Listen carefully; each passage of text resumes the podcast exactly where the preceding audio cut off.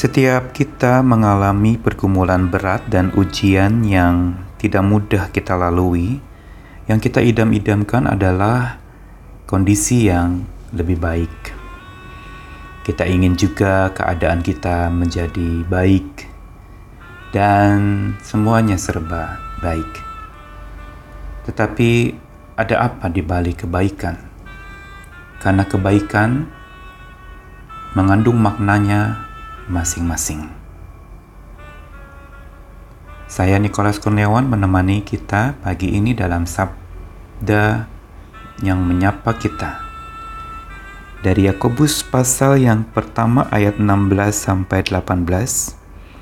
Saudara-saudara yang kukasihi, janganlah sesat setiap pemberian yang baik dan setiap anugerah yang sempurna datangnya dari atas, diturunkan dari Bapa segala terang, padanya tidak ada perubahan atau bayangan karena pertukaran. Atas kehendaknya sendiri, ia telah menjadikan kita oleh firman kebenaran, supaya kita pada tingkat yang tertentu menjadi anak sulung di antara semua ciptaannya. Saudara, idaman kita untuk menjadi baik atau hidup yang baik-baik saja atau segala macam kebaikan yang kita alami adalah sebuah idaman yang normal, wajar setiap orang menginginkannya. Tetapi melampaui kebaikan yang kita idam-idamkan itu, sabdanya pagi ini mau mengingatkan kita tentang hal penting mengenai kebaikan. Bacaan ini dari Yakobus ditujukan kepada orang-orang yang mengalami berbagai macam ujian dan pencobaan dalam hidup. Dan setelah pengingatan Yakobus kepada para penerima surat ini untuk supaya mereka bisa melampaui ujian dan pencobaan dan lalu mereka bisa menang atasnya, maka Yakobus mengingatkan tentang satu hal yang penting Saudara yang kukasihi, janganlah sesat. Yakobus ingin mengingatkan bahwa pada masa di mana kita diuji atau dicobai, saat itu jangan sekedar kita menginginkan untuk semuanya menjadi baik-baik kembali atau baik-baik saja.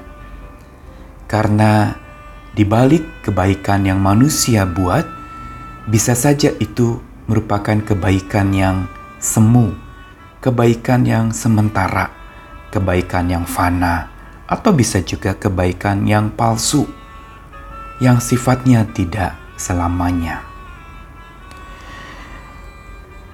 Dan diingatkan dalam ayat 17, setiap pemberian yang baik dan setiap anugerah yang sempurna datangnya dari atas diturunkan dari Bapa segala terang.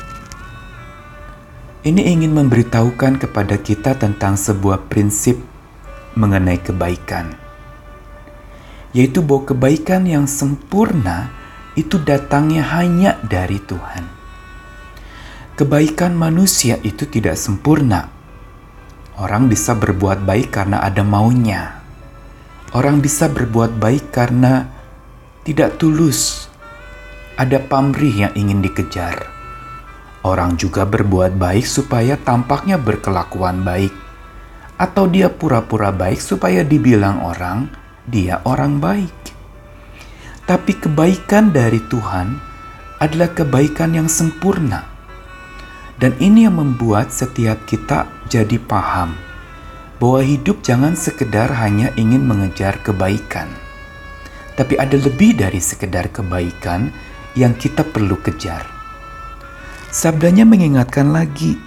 Di situ dikatakan bahwa pada Bapak segala terang itu tidak ada perubahan dan tidak ada pertukaran.